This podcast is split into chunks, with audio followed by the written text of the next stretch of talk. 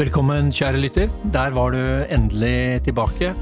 Å ha en altfor lang juleferie, det er aldri bra, så vi må bare komme opp da i et gir. Nå har vi vært i null-modus lenge, nå skal vi over i én. For det er jo bare null og én. Er det ikke det, Maren? Nei, det er jo mer enn det. Nei, digitale språket er påkobla, avkobla. Ja, ja. Ja. ja. Men jeg girer opp uansett. Jeg har gjort det lenge. 2024, må man si. eh, Endelig godt nytt år, nytt år, nye muligheter. Eller er det nytt og nye kriser, eller hvor er vi? Nei, det er jo et godt spørsmål. Vi håper jo alle på eh, bedre tider, blanke ark og fargestifter til, osv. Eh, eller er det bare toppen av isfjellet vi har sett i 2023? Eh, ingen vet. Eh, folk uttaler seg om eh, spådommer, hva man tror. Eh, kanskje vi skal greie å finne svar i dag? Jeg tror ikke vi klarer å finne svar på hva som kommer til å skje, men vi kan, Vi kan, forberede oss. vi kan ha noen gode antakelser, Ja. tipper jeg, med de vi har her. Og for å diskutere denne problematikken, IVB Neumann, vi sier det, du er en av Norges fremste akademikere og intellektuelle. Det, det står, men vi har også da en historie. Vi lagde Makt- og globaliseringsutredningen sammen, 25 år siden. Det var gøy. Ja, Og plagde livet av eh, statsviterne Det var Øyvind Østerud og. Fredrik Engelstad. Ja. Neira Matstic. Eh, jeg liker å kalle deg et orakel, men det vil ikke du ha noe av. Men eh, du er i hvert fall da den økonomen som skal oversette alt det som skjer av potensielle kriser i verden, over til eh, hva betyr det for eiendomsmarkedet i Norge. Men jeg, siden du er her, Neira. Når jeg begynte å gå på eiendomskonferanse for 16-17 år siden, så var det alltid en sjefsøkonom som startet med 'hva skjer i Kina'? Kan du si hvorfor er det viktig hva som skjer i Kina for eiendomsmarkedet i Norge? Bare fordi det er et gedigent land.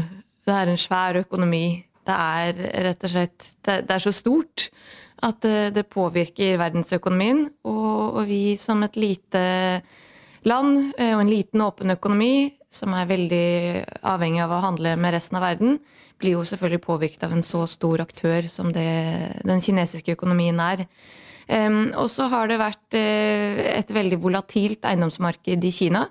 Det har eh, vært eh, alt fra spøkelsesbyer som har blitt bygget ut, som er liksom så langt fra vår norske eiendomsvirkelighet som vi kan tenke oss. Vi bygger jo ikke i nærheten av nok boliger. og så har du da et annet land som bygger ekstremt mange flere boliger enn det som trengs. Og så blir de boligene stående tomme, og så er det noen som har tatt opp altfor mye lån. Og det er jo en dårlig kombo. Eh, og derfor så de, er en stor økonomi, og det er mye turbulens.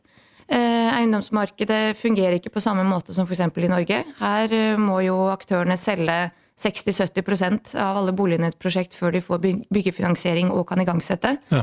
En sånn mekanisme litt Men eg- eg- egentlig det man frykter er en sånn form for Lehman eh, Brothers-konkurs, sånn som utløste den globale bankkrisen. Altså, de er så store at hvis det da blir problemer der i eh, eiendomsbransjen der, så brrr, får det ringvirkning for hele verden.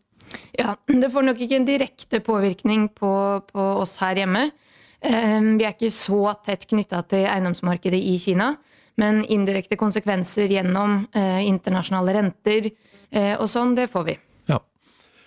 Iver Neumann, eh, 2024. eh, det er også et begrep som heter black swan. Det er jo da de uforutsette krisene. Men jeg tenker sånn, hvis Kina invaderer Taiwan, så er jo det ventet. Eh, krigen kanskje i Ukraina eskalerer, er kanskje ventet. Eh, men hvordan ser liksom 2024 ut i ditt hode? Det er jo flere ting som man kan regne med. altså Militærkupp i Afrika f.eks. Og hvis det er et virkelig stort land som f.eks. Nigeria, så kan jo det bli en ganske viktig sak. Altså Nigeria er om 30 år landets fjerde eh, største økonomi. og i Afrika så skjer det saker og ting på den økonomiske siden. Vi skal ikke glemme Afrika. Så der vil det bli action. Men det, hvis jeg skulle peke på ett sted hvor det kan skje uventede ting, så må det være i Midtøsten. Eh, Israel har vært eh, Vestens eh, støttepunkt i Midtøsten i årevis. Israel blir mer og mer egenrådig, hører mindre og mindre efter når amerikanske politikere snakker til dem, til tross for at amerikanerne betaler dem milliarder på milliarder av dollar. Hvis Israel finner ut at nå har de så dårlig støtte i den demokratiske verden at eh, det ikke er noe vits i å samarbeide med dem mer, så kan det hende at de snur seg til Kina og Russland. Da blir det forandringer i verdensordenen av den enkle grunn at eh, uten et ordentlig vestlig eh, fotefeste i Midtøsten, så vil en hel viktig region snu seg mot Kina og Russland, og da har vi det gående. Sjansene for at det skal se er liten, men det vil være min black swan, om du vil. Og hva vil det da skje med det norske eiendomsmarkedet? Eller for å starte med det, Neira, at, uh, gir det mening å si at uh, årsaken til da uh, høy inflasjon med påfølgende høy rente i i Norge eller Europa. Skyldes det Ukraina-krigen? Alene? Er det, er det, deler av det? Mm, nei, ikke alene. Definitivt ikke alene. Det er veldig mye mer uh, sammensatt, det årsaksbildet. Um, I mange år så slet, vi jo med for lav inflasjon. Det var mange europeiske land som hadde altfor lav inflasjon. Uh, så det er ikke så lenge siden vi diskuterte hvordan vi skal få opp inflasjonen. Og det syns jeg nesten virker litt glemt i, i dagens debatt. Og så fikk vi en pandemi, og det som var veldig spesielt med den pandemien, var at eh, etterspørselen etter fysiske varer eh, eksploderte over natta fordi vi måtte sitte hjemme og vi kunne ikke gå ut og konsumere tjenester som reise, kultur, alt det vi var vant til å gjøre. Så da vred hele konsumet vårt seg over mot varer. Så vi satt hjemme og klikket hjem varer som om det var helt gratis. For det første var det ikke gratis, men for det andre så var det også på samme tid der det oppsto veldig mange flaskehalser på tilbudssiden. Eh, det var masse produksjonsutfordringer over hele verden. Eh, det var eh, problemer med, med transport. Containerfraktratene økte. Så på den tiden da etterspørselen eksploderte, så falt tilbudssiden av alle slags typer varer. Dette var før krigen i Ukraina startet, og det var da vi begynte å se at inflasjonen steg. Og eh, det de fleste sentralbankene, inkludert den norske, sannsynligvis gjorde feil, nå hvis vi kan være litt sånn etterpåkloke, det er at man, man holdt eh, renten altfor lav altfor lenge. Så begynte man med renteøkningene for sent. Eh, og da må man eh, rett og slett ha flere renteøkninger for å få den samme effekten. Man kunne unngått det hvis man hadde begynt litt tidligere. Hvilken effekt hadde Ukraina-krigen? Ukraina-krigen hadde en effekt ved at eh, spesielt byggematerialer, enkelte byggematerialer, stål, aluminium, som både Norge og andre land importerer fra Ukraina, ble det vanskeligere å få tak i, så prisene på disse materialene steg. Helt frem til andre land klarte å, å ta igjen den produksjonen som tidligere hadde kommet fra Ukraina. Um, så det var egentlig en av hovedforklaringene på hvorfor mange byggematerialer steg. Og så så vi at byggekostnadene i Norge steg som mm. følge av det. Uh, og så så vi at enkelte matvarer som Ukraina er en stor produsent av, de uh, forsvant vel ikke over natten, men det ble veldig mye lavere produksjon av det, så vi så at prisene der også steg. Men inflasjonen begynte å stige før.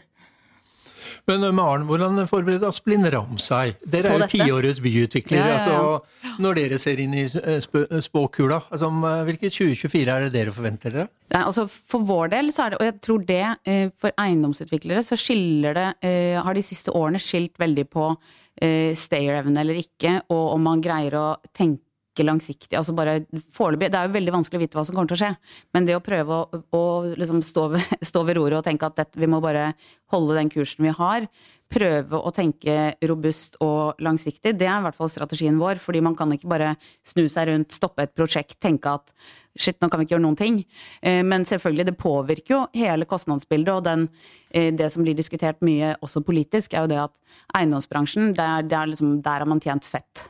Eh, det har vært det letteste stedet å tjene penger, og så har det snudd seg helt rundt, og så må man tenke annerledes og mer kreativt. Ja. Så det er jo liksom Men det er jo helt umulig å ha en strategi som speiler det vi ikke vet hva som, skal, hva som kommer. Men må man ikke bare dra inn flere og flere X-faktorer? Altså, jo, jo, ja. jo, jo. man må regne på ting på en helt annen måte. Med ja. mye, mye, større usikkerhet. Nei, ja. Et eh, sånn Apropos Ukraina. En effekt vi har hatt på boligmarkedet her, er eh, gjennom demografien og de ukrainske flyktningene. Um, som det har blitt ganske mange av. Um, og de har opprettholdt boligetterspørselen i Norge mm. uh, gjennom at kommunene har uh, leid uh, leieboliger for dem. Um, så har vi sett at det har lagt press på utleiemarkedet. Og det også igjen i en periode der det har blitt færre og færre utleieboliger, så har de ført til sterkere etterspørsel. Mm. og det har ført til at leieprisen har steget en del, men også da det overfører seg over i eiemarkedet. Eh, og hadde vi ikke hatt den sterke innvandringen fra, fra ukrainerne, eh, så hadde vi sett en mye svakere boligprisutvikling, spesielt det siste året. Men så er det vel også en del mindre steder som også får en slags sånn, hva skal vi si, ny urbanisme ved at det kommer nye folk som har en kompetanse, og de flytter til disse litt mindre stedene kanskje, og så får man plutselig et helt annet type la oss si byliv, da. Mm. Men også, Iver, eh, Donald Trump det er også, Jeg leste jo at uh, vår gamle federalistvenn Espen Barth Eide, uh, som nå er utenriksminister, han har jo satt i gang uh, UD med å regne på konsekvensene av at Trump overtar. Den er, skummel. i november. Hva, hva er de potensielle konsekvensene da? De står i kø. Altså for, for, Forrige gang Trump ble valgt, så regnet jo ikke verken han eller, eller, gjengen hans med at han skulle bli valgt. Så det tok ett og et halvt år omtrent før han faktisk var i suget. Og han sa jo ting av typen 'jeg ante ikke at det var så vanskelig å være president'. Altså, han var liksom litt på tur. Denne gangen har det vært to store lag eh, som har planlagt hvordan Trump 2 skal se ut. Blant Bl.a. Heritage Foundation, som har laget en diger bok, jeg tror til og med den ligger på nettet, om hva som skal gjøres. Og Det er ganske hårete lesning. altså. altså for eksempel så skal man forlate Pariskonvensjonen med en gang. Altså Nå kan det jo hende at han gjør andre ting enn det rådgiverne hans uh, foreslår. Altså Med Trump vet man aldri. Ja. ikke sant? Det er jo det som er Apropos Black Swan, så han kan jo finne på hva som helst. Men, uh, men på alt som heter energi- og, og, klimasiden vil det jo bli store omveltninger. Uh, for Norge vil han forlate Nato. Det har jeg truet han med under første periode. Det kan hende han finner på. Da får vi en midt i trynet. Mm. Fordi eh, vi er nødt, som ikke-EU-medlem, til å ha en sikkerhetsgaranti mot et stadig mer aggressivt Russland. Den sikkerhetsgarantien er USA. Hvis Nato går i oppløsning, må vi binde oss mer bilateralt til USA. Og for å få det til, så må vi oppgi ting. Hvis finnene f.eks. slipper amerikanerne inn på alle sine baser, og Norge så skal samarbeide med, med amerikanerne, kan du ta deg F på at det første amerikanerne sier at ja vel, da vil vi ha baser i Norge. Ja. Og sånne ting må vi da være klare for å svelge. Så jeg, syns jo det er på høy tid ja, Dette er jo riktignok sagt i 34 år, men jeg syns det er på høy tid at vi får en ny EU-debatt. Uh, fordi eh, sikkerhetspolitisk sett så er det ja. galmattis å ikke være med i EU sånn som verden ser ut nå. Ja, Norge skal inn i EU. Det, det, vi har en pakt på det. Men, men, men da, snakker om, da, snakker vi om, effekter på norsk økonomi da, hvis Norge går inn i EU. Det ville være en game changer. Ja. Mm. Men da er jo da overført til deg nå, Neira, så er det jo da hva er konsekvensene hvis Norge går inn i EU, og konsekvensene hvis Trump faktisk blir valgt? Trump aner 2. ikke. Det, Nei? Aner ikke. Det er ikke noe jeg skal ikke Men det er åpenbart at den sikkerhetspolitiske situasjonen vil jo bli helt annerledes hvis han da eh, Han sa jo ganske tidlig i sin første periode at de skulle ut av Nato. Mm. Eh, da tenker jeg Men det, det er jo veldig bra for forsvarsbudsjettet vårt, da. Det vil jo øke. Må jo øke da.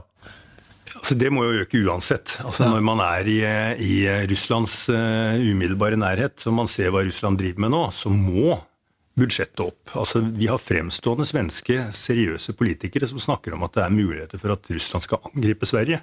Jeg tror det er å ta litt vel hardt i, men jeg så jo ikke angrepet på Ukraina komme heller, så jeg skal ligge lavt når det gjelder spåkule der, altså. Fordi altså, det, var ingenting å hente på Russland ut fra en vestlig kalkyle eh, på det angrepet på Ukraina. Det eneste som var å hente, det var at de kunne befeste seg som et imperium på ny. Og hvem i alle dager regnet med at de ville faktisk ville gjøre det? Men mm. så viktig er identitet i politikk altså, at de har trumfet alt som heter Neiras eh, fag og økonomiske interesser eh, og det vi tenker på som rasjonell tenkning. Nasjonalismen og imperialismen, viktige krefter. altså. Mm. Men eh, næra tilbake til eh, hovedtemaet vårt. Eh, hva er dine spådommer for 2024?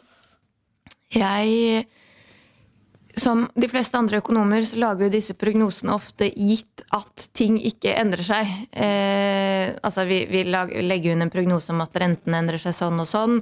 Men alle disse uforutsigbare hendelsene eh, er jo ikke en del av noen som helst økonometrisk modell, som da gir oss disse økonomiske prognosene. Så, så, alle disse black swans er jo bare utelatt eh, helt totalt. Eh, men eh, det, det, vi ser for oss, er at inflasjonen fortsetter å falle. Både i Norge og i andre land. Eh, inflasjonen kommer nok til å ligge over sentralbankens mål på 2% en god stund til, men at den fortsetter den trenden som vi har sett eh, i over eh, snart ja, over et halvt år, det tror vi eh, vil skje. Og for eiendomsmarkedet så er jo det positivt. Eh, når vi får første rentekutt, så vil det stimulere etterspørselen igjen. Eh, både i boligmarkedet, men også for næringsbygg. Um, og vi forventer da at det blir et ganske sånn tydelig skille i år mellom første halvår og andre halvår. I første halvår så blir det trått. Det blir svak boligprisutvikling. Mest sannsynlig så faller boligprisene nå de neste månedene. Uh, og så etter sommeren, uh, hvis vi får et rentekutt da, så ser vi at det snur. Det er forventningen. Sånn, til andre indikatorer i økonomien så er jo arbeidsledigheten viktig. Vi forventer at det blir økt arbeidsledighet. Eh, Men den er lav nå? Den er veldig lav nå. Det var det neste jeg skulle si. Fra et veldig lavt nivå så skal den opp. Den har nesten vært unaturlig lav eh, i flere år nå, arbeidsledigheten. Eh, og igjen, disse ukrainske flyktningene de kommer også til å bidra til økt ledighet. Med mindre de blir sysselsatt veldig fort, så går de nå eh, inn i, eh, i arbeidsstyrken. Eh, og vil Det er jo ikke store effekter som kommer derfra, men de vil også bidra til økt ledighet. Og BNP-veksten er forventet å bli svakere men ikke noe krise. Det forventes ikke resesjon. Så det er også veldig mange som svartmaler litt for mye. Om, ja, blir det resesjon eller ikke? Og du sier most likely Jeg tror ikke. ikke.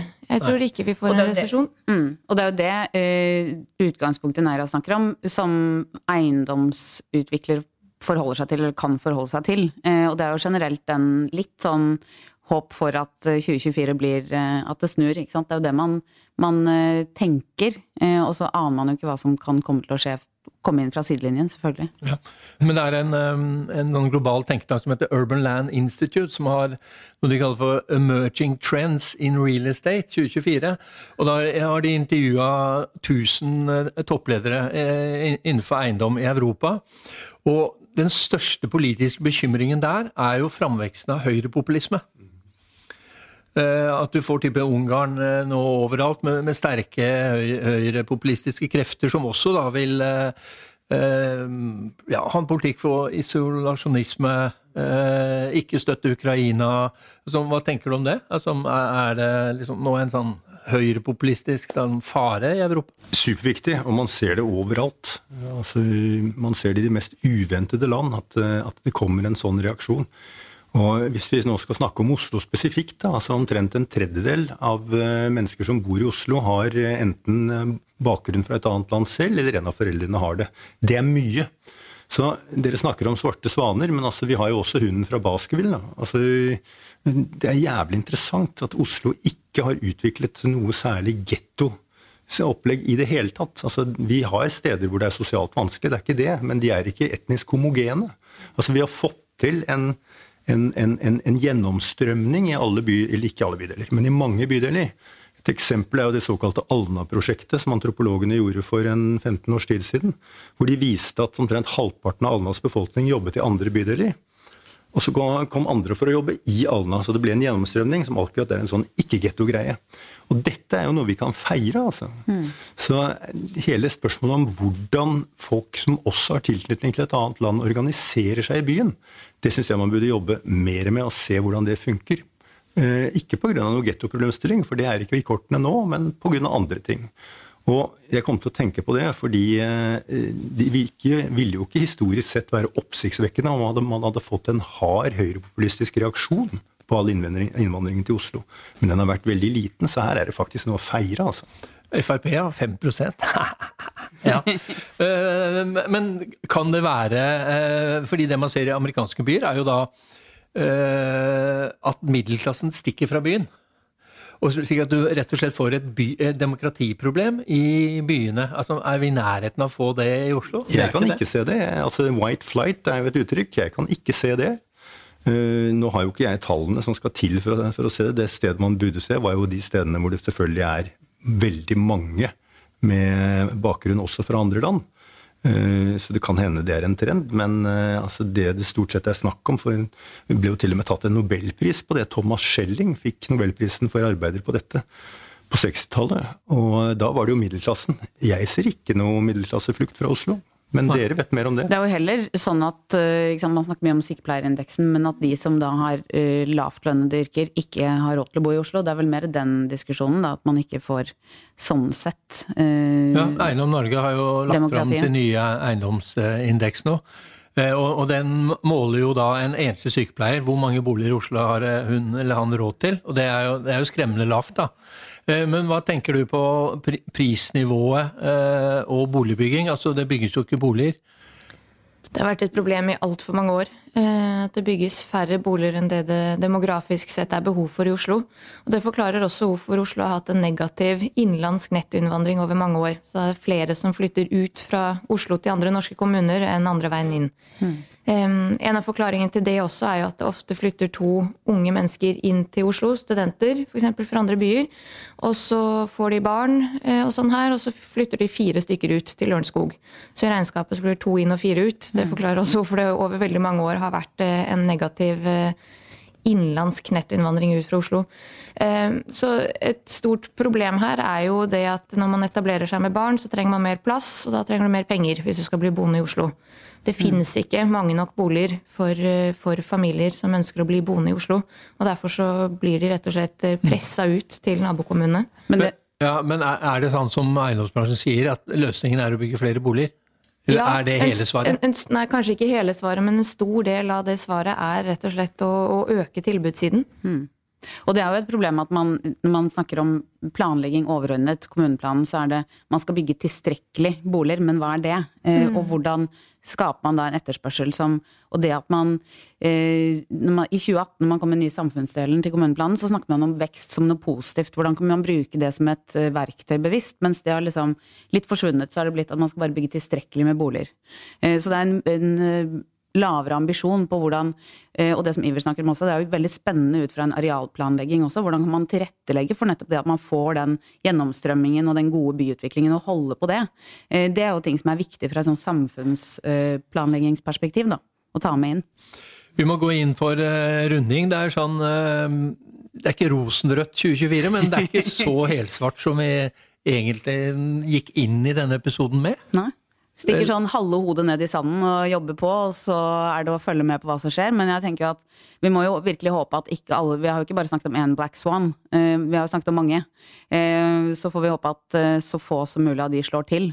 For det er jo ikke så veldig mye man kan gjøre for å, for å påvirke de vi, det vi snakker om med Trump og Afrika Men, men og hele jeg, pakka. jeg liker å tenke litt sånn positivt, for hvis Trump vinner, så vil det øke sjansen for at vi blir med i EU. Så det er, så det det er egentlig bra for Norge. Jeg aner, en, jeg aner en ny podkastepisode med samme deltakere her. Men hva, kort, du har vel sagt, Neira, altså eh, første halvdel blir verre, og eh, andre halvdel blir egentlig ja, kan bli helt ok. Ja. For, for eiendomsmarkedets del. Men sånn eh, for, eh, for økonomien så kan vi jo se at det også i andre halvår er fortsatt stigende arbeidsledighet. Og at det er grunnen til at man begynner å kutte renta. Man kutter ikke renta hvis alt er eh, rosenrødt i økonomien. Hvis, hvis vi fortsatt har altfor lav arbeidsledighet og det fortsatt er for høy inflasjon, så kommer det ikke noe rentekutt. Så boligmarkedet er eh, på en måte også litt avhengig av at det går litt skeis med økonomien. Og det som er veldig interessant, er at man ofte ser at boligprisene eh, stiger mer når renta kuttes, enn at de faller mer eh, når renta stiger. Den effekten der er ikke helt symmetrisk. Nei.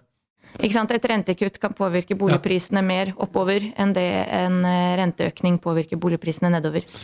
Den er noe vi skal ta med oss videre. Men eh, 2024 for deg, Iver? Altså, Altså, hvis jeg tenker som russolog, så er det bare trist og, og grått og fælt. Særlig for russere. Mm. de velger det jo selv, så de kan jo i og for seg ha det så godt. Men eh, altså, også ukrainere, den konflikten kommer bare til å stå der og, og, og, og være en frossen konflikt, vil jeg tro. Eh, Men eh, det er nok å glede seg over. Altså, man snakker om at USA er så forferdelig nede i knestående, men de har jo en økonomi som går så det suser, f.eks. Og eh, det europeiske integrasjonsprosjektet, det går jo også faktisk veldig bra. Da. Altså Den måten man har stått sammen under Ukraina-krisen på. Så snakker man at Slovakia og Fico har forsøkt å, å stikke litt av, men der skjer det mye privat i Slovakia. Så, så jeg er ikke bare negativ til 2024. Dette må vi feire. Ja. det, det, liker vi. Starte, nei, å ha med oss noe positivt. Og så tenker jeg at vi, eh, vi har jo vårt utgangspunkt er liksom eiendomsbransjen i Oslo. Men vi må jo også løfte blikket og tenke at uh, tross alt, det er, ikke, det er ikke vi som er det verst. Nei. Det blir uh, the famous last word i denne episoden. Uh, takk til deg, Neira. Takk til deg, Ivi.